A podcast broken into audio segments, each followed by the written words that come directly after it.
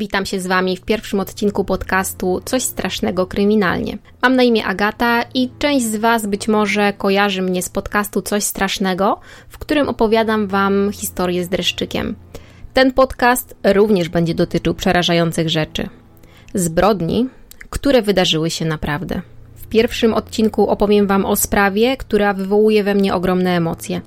Jest tutaj przemoc, jest zakazana miłość, jest kazirodczy związek, a na końcu tragedia, która dotknęła aż dwie rodziny. Na dodatek ta sprawa jest dosyć świeża i będę Wam opowiadać o zdarzeniach, które miały miejsce 2-3 lata temu. Zapraszam Was serdecznie do odsłuchania historii rodziny Plaidlów.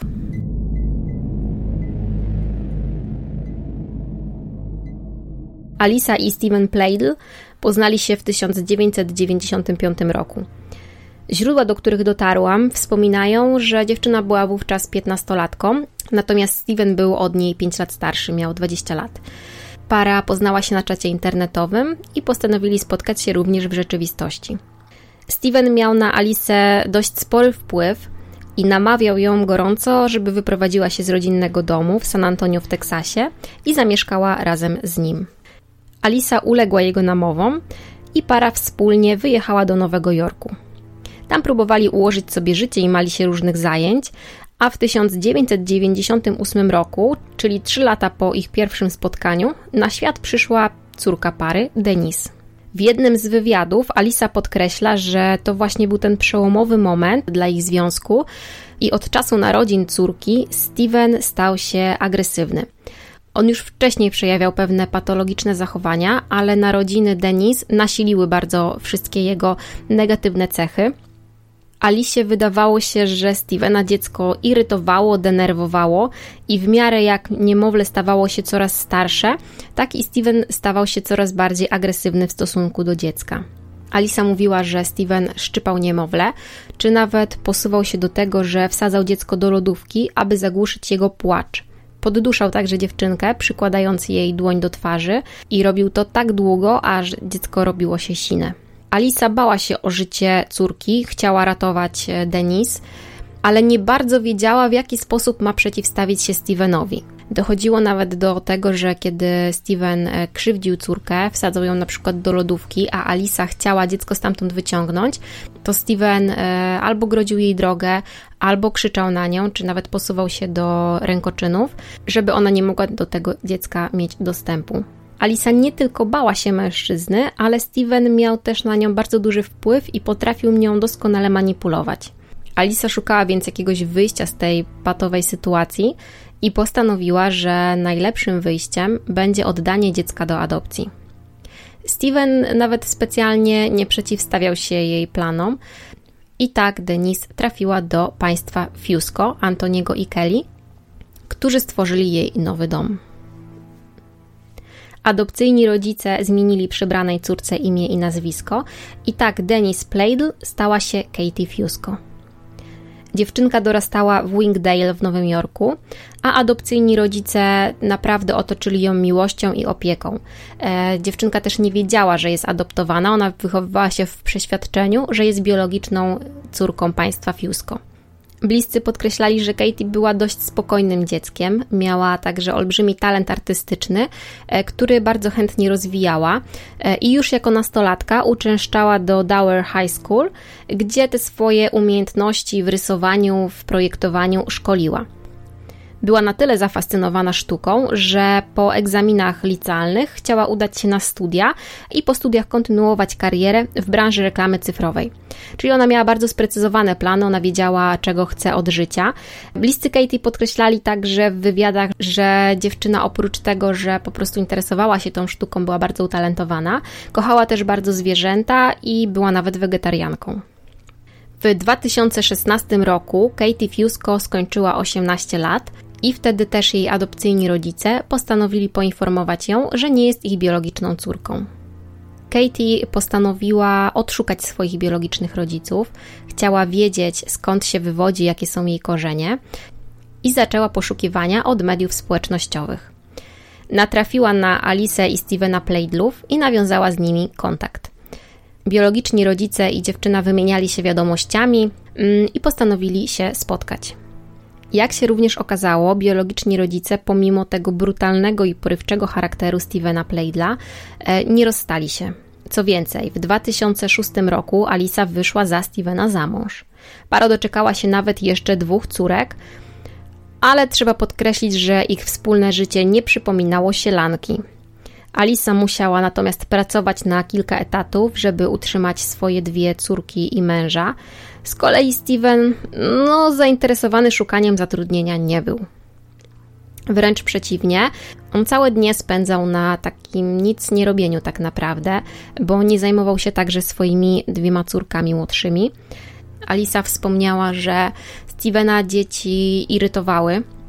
Doszło nawet do takiej sytuacji, że gdy jedna z młodszych córek zmoczyła spodnie, Steven nie przebrał tego dziecka, tylko wrzucił je do wanny i nakrzyczał na dziewczynkę. Nie pozwolił jej się także z tej wanny ruszyć. Trzylatka przez kilka godzin czekała w wannie, aż jej matka wróci z pracy i przebierze jej przemoczone ubranie. Steven no, nic nie robił sobie z cierpienia swojego dziecka. Znaczy, on generalnie nic nie robił sobie z cierpienia innych ludzi czy zwierząt. Znęcał się nie tylko nad swoją rodziną, ale wykazywał agresję także właśnie w stosunku do zwierząt. Jego żona Alisa była świadkiem innymi tego, jak brutalnie zabił kota, który przyszedł do ich garażu i zabił tego kota tylko dlatego, że nie lubił tych zwierząt. Jedną z takich pasji, z takich zainteresowań Stevena było kolekcjonowanie broni. Mężczyzna miał w swoim posiadaniu aż pięć pistoletów, w tym nawet karabin, i wszystkie te pistolety nabył zgodnie z prawem. Jak już Wam wspominałam, Katie i jej biologiczni rodzice wymieniali wiadomości na portalach społecznościowych, aż w końcu postanowili się spotkać. Do pierwszego spotkania doszło w czerwcu 2016 roku. Stosunki pomiędzy biologicznymi rodzicami i Katie były bardzo dobre. Dziewczyna postanowiła nawet, że zamieszka z państwem Plaidl. To zaniepokoiło jej adopcyjnych rodziców, którzy woleliby Katie zdała egzaminy i spokojnie poszła na studia, ale ostatecznie dali dziewczynie wolną rękę. Oni nie chcieli też za bardzo ingerować w wybory Katie. E, uznali, że jest dorosła i być może też nie chcieli nadszarpnąć sobie dobrych stosunków z adopcyjną córką więc zaakceptowali jej wybór. E, Katie przeprowadziła się do państwa Plaidl, którzy mieszkali w mieście Nidale w Karolinie Północnej. Podczas jednej z takich osobistych rozmów biologicznej matki i córki, Alisa wyjawiła Katie, że powodem oddania jej do adopcji było bardzo brutalne zachowanie Stevena w stosunku do niemowlęcia. To jednak Katie do ojca nie zraziło. Wręcz przeciwnie, Alisa podkreślała, że jej córka zdawała się tym w ogóle nie przejmować i co więcej, ona ze Stevenem złapała naprawdę bardzo dobry kontakt. Być może miało to związek z tym, że gdy Alisa wychodziła do pracy, Katie i Steven spędzali czas razem. Mężczyzna nie pracował, więc e, mógł go poświęcić w całości swojej biologicznej córce. I Katie miała na Stevena bardzo duży wpływ. Od czasu, kiedy zaczął utrzymywać z nią kontakt, y, postanowił zmienić styl ubierania na taki bardziej młodzieżowy. Zapuścił też włosy, zmienił fryzurę, no robił wszystko, żeby być takim y, naprawdę, wiecie, ojcem na czasie. Ta zmiana powierzchowności jednak nie szła w parze ze zmianą charakteru, no i stosunki Stevena z żoną Alisą nie poprawiły się. Para postanowiła się rozstać. Steven nie chciał także dzielić małżeńskiego łoża z Alisą, więc przeniósł się na podłogę w pokoju najstarszej córki Katie. Alicie nie podobało się to posunięcie, próbowała interweniować, ale mąż wykrzyczał, że to nie jest jej sprawa. Kobieta w listopadzie złożyła wniosek o separację i wyprowadziła się z domu z młodszymi córkami. Pomimo tego, że dwie młodsze córki, wtedy 11 i 6-letnie, zamieszkały z nią, to Steven również mógł sprawować e, nad nimi opiekę, nie odebrano mu praw rodzicielskich, więc e, dziewczynki co jakiś czas e, jeździły również do Nightdale, gdzie Steven zamieszkał z Katie. I ta sytuacja trwała przez kilka miesięcy, aż do połowy 2017 roku. Wtedy jedna z młodszych córek powiedziała coś, co bardzo Alice zaniepokoiło. Według relacji dziewczynki podczas e, wizyt u ojca, ten kazał im nazywać Katie nie siostrą, a macochą. Kobieta przejrzała dziennik swojej młodszej córki i przeczytawszy wszystkie wpisy, dowiedziała się, że Katie jest w ciąży. Alisa wykonała telefon do Stevena, żeby zorientować się w sytuacji, a ten potwierdził, że on i jego biologiczna córka Katie spodziewają się dziecka. Dodał, że są parą, że są w sobie zakochani i że tworzą szczęśliwy związek. Alisa po tej rozmowie zawiadomiła policję i od razu złożyła pozew o rozwód. Sąd przychylił się do tego wniosku i małżeństwo rozwiązano trzy miesiące później, w maju 2017 roku. Z kolei już dwa miesiące po uzyskaniu rozwodu, w lipcu 2017 roku, Steven i Katie pobrali się pomimo prowadzonego dochodzenia policyjnego. W jakiś sposób udało im się sfałszować papiery e, i przygotować ślub, całą ceremonię, która odbyła się nad jednym z jezior w stanie Maryland. Co dziwne, oprócz pary głównych zainteresowanych, czyli Stevena i Katie, w uroczystości udział wzięli także matka Stevena, Grace Pladle, a także adopcyjni rodzice Katie, państwo Fusco. Dwa miesiące po ślubie ojca i córki, 1 września 2017 roku, na świat przyszedł syn pary, Bennett. Rodzina zamieszkała także w domu Stevena w Nidale w Karolinie Północnej. Powiedzmy, że ta rodzinna sielanka trwała do stycznia 2018 roku, kiedy po donosie, jaki Alisa Plaidle złożyła na policji, Katie i Steven zostali aresztowani i oskarżeni o kazirodczy związek. Oboje trafili do aresztu, ale Katie została zwolniona za kaucją. Sąd jednak nakazał jej przeprowadzkę do Nowego Jorku do adopcyjnych rodziców. I ona rzeczywiście powróciła tam z synkiem Bennettem, a w międzyczasie z więzienia wyszedł także Steven. On powrócił do swojego domu w Nightdale i miał nadzieję na kontynuację związku pomimo ciążących na parze zarzutów i groźby więzienia. On chciał jednak z Katie dalej być i wychowywać ich wspólnego syna, do którego zresztą oboje mieli prawo. Katie przemyślała sytuację i powrotu nie planowała, a ze Stevenem starała się ten kontakt bardzo ograniczać i dzwonili do siebie wyłącznie w sprawie Beneta. Po przeprowadzce Katie i Beneta do Nowego Jorku, e, Steven e, umówił się, że przyjedzie i spotka się z Benetem, zabierze go do siebie do Nightdale, żeby spędzić z nim czas.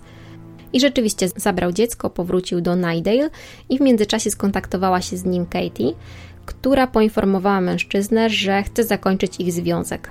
Rozwścieczony mężczyzna nie chciał pogodzić się z takim obrotem spraw i zaczął planować zemstę. 12 kwietnia 2018 roku policja dostała niepokojące zgłoszenie. Matka Stevena, Grace Pladle, zadzwoniła pod numer alarmowy 911 i powiedziała dyspozytorowi, że właśnie zadzwonił do niej Steven i powiedział, że zabił swojego siedmiomiesięcznego syna. W rozmowie, zresztą ta rozmowa jest dostępna na YouTube, możecie jej sobie tam posłuchać. Kobieta dodała także, że Steven zrobił to, ponieważ żona zerwała z nim przez telefon. On tam w tej rozmowie mówił jeszcze, że jego matka ma nie iść do tego domu, ma tego nie oglądać. E, w każdym razie po tym zgłoszeniu policja od razu ruszyła do domu Stevena w Nightdale. No i niestety potwierdziło się najgorsze. Śledczy znaleźli tam zwłoki dziecka, małego Beneta, które Steven schował w szafie. Jak się jednak okazało, to wcale nie był koniec tragedii. 12 kwietnia rano funkcjonariusze w New Milford w stanie Connecticut otrzymali zgłoszenie o strzelaninie na drodze numer 7. Gdy pojawili się na miejscu, zobaczyli samochód z rozbitą szybą, a w środku znajdowały się dwa ciała. I były to ciała Katie Pladle oraz Antoniego Fusco. Tego samego dnia, czyli również 12 kwietnia 2018 roku, policja w Dower w stanie Nowy Jork otrzymała telefon o zaparkowanym samochodzie, w którym prawdopodobnie znajdują się zwłoki. Kiedy śledczy dotarli na miejsce, okazało się, że faktycznie w ciężarówce zaparkowanej na jednym z parkingów w mieście Dower znajdowało się ciało Stevena Plaidla, który popełnił samobójstwo strzelając do siebie z pistoletu. Po zabójstwie swojego siedmiomiesięcznego syna, Plaidl od razu wsiadł w samochód, pokonał 600 mil, czyli to jest ponad 900 kilometrów, po to, by zabić Katie, czyli swoją biologiczną córkę, oraz jej adopcyjnego ojca. Na koniec mężczyzna popełnił samobójstwo, i to jest taki formalny koniec tej sprawy, bo sprawca popełnił samobójstwo, więc no tak naprawdę sam wymierzył sobie karę za swój czyn. No ale nie oszukujmy się, bo to nie jest koniec sprawy dla obu rodzin. Zarówno Alisa, jak i jej córki, a także matka Stevena czy adopcyjna matka Katie przeżywają ogromną tragedię. Zresztą sprawa tego kazirodczego związku i całego tego tragicznego zakończenia odbiła się szerokim echem w całych Stanach. Uruchomiono całą dyskusję na ten temat. Była żona Stevena, Alisa, ona udzieliła kilka wywiadów, w których podkreślała innymi, że najtrudniejsze było przekazanie młodszym córkom tego, co się stało. I mnie to wcale nie dziwi, bo w tej sprawie jest tyle zła i tyle ofiar, które nadal żyją i które muszą poradzić sobie z tym, co się stało. To już wszystko, co dla Was przygotowałam w pierwszej odsłonie kryminalnego podcastu Coś Strasznego. Koniecznie dajcie mi znać, co o tym sądzicie. Zapraszam Was także na drugą playlistę na YouTube. Znajdziecie ją pod nazwą Paranormalnie. Jeżeli jednak słuchacie tego podcastu na aplikacjach typu Spotify czy Google Podcast, to zapraszam także do subskrybowania kanału Coś Strasznego. Tam możecie posłuchać o takich historiach z dreszczykiem. Jeżeli lubicie paranormalne zjawiska, to myślę, że może Wam się to spodobać. Do usłyszenia.